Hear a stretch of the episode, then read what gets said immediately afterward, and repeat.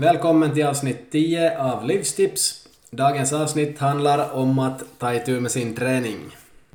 Om man är med i en förening är det ganska enkelt att träna för alla tider finns redan uppsatta på ett papper eller i något sorts elektroniskt dokument. Man vet vilka dagar man ska vara var och ja, varje vecka är väl ganska lik om det till exempel är onsdag klockan nio man ska träna.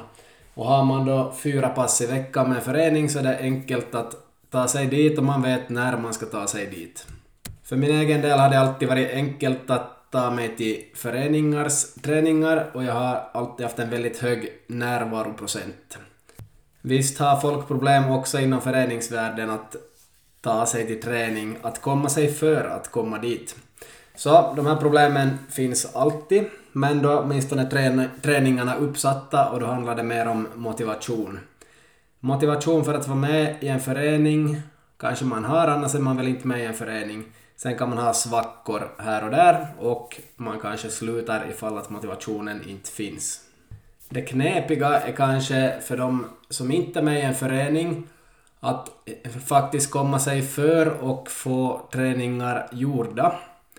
Själv har jag ju också behövt känna på det här speciellt under coronatider och ibland också annars då det inte är säsong i fotboll. Förstås har jag glädjen att jag har väldigt många idrotter jag sysslar med och att jag är gymnastiklärare. Men även för mig kan det vara svårt i vissa perioder att få till träning. Att få träningen gjord. Så därför kommer nu några tips kring det här.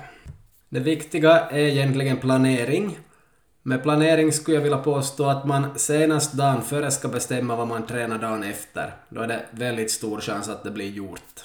Om jag planerar in ett pass dagen innan så blir det oftast av för min del.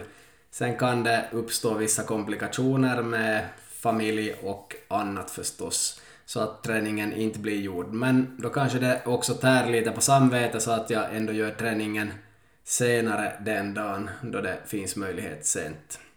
Så att planera det dagen innan, det är tips nummer ett. Tips nummer två är att man ritar upp en längre tid, till exempel en vecka eller en månad. För att om man gör det så har man allting på ett schema och scheman är till för att följas och då man skriver ner någonting är det mycket större chans att man gör det. Tips nummer tre är att ha inte så hög ribba för vad som blir gjort. Eh, är det 10 kilometer som man brukar satsa på inom en idrott, löpning eller skidning eller någonting så har du en dålig dag så nöj dig också med att göra bara hälften, fem eller fyra kilometer till exempel. Så sänk ribban vid behov ibland. Det är tips nummer tre. Tips nummer fyra är att man förbereder kläder och redskap dagen innan, senast dagen innan. Eller så har man ett rum där redskapen färdigt finns. Men just det här med träningskläder och att packa väskan, så gör det dagen innan. Det ökar chansen väldigt mycket för att du får gjort ett träningspass. Sista tipset är att du alltid har en träningsväska packad i bilen. Där finns det mest väsentliga som du behöver för att träna. Då kan du när som helst vara spontan och fara och göra ett träningspass till exempel på ett gym. Sen ännu något bonustips som inte riktigt passar mig men som kanske passar dig. Och det är att du stämmer träff med en kompis som du tränar med. Det kan också öka chansen för att man tränar. Hjälper inte mig, men det kanske hjälper dig. Och ett bonustips ännu är att man berättar åt någon att man ska träna. Man kanske skickar ett meddelande åt någon att nu ska jag fara och träna det och det. Eller så skriver man det på Instagram eller någon annanstans så att man gör någon annan medveten om att man ska träna. Då får man mer press på sig att göra det och då kanske det blir av. Tips nummer åtta gäller de som vill träna väldigt ofta och det är sista bonustipset här nu. Det är att äh, räkna även promenad som träning och då kan du ta ett väldigt lugnt pass en dag om du tränar ofta.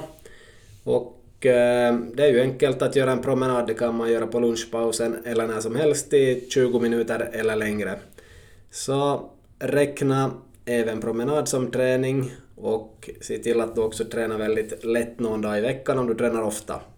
Det är sista tipset. Lycka till med träningen. Den bästa träningen är den som blir av.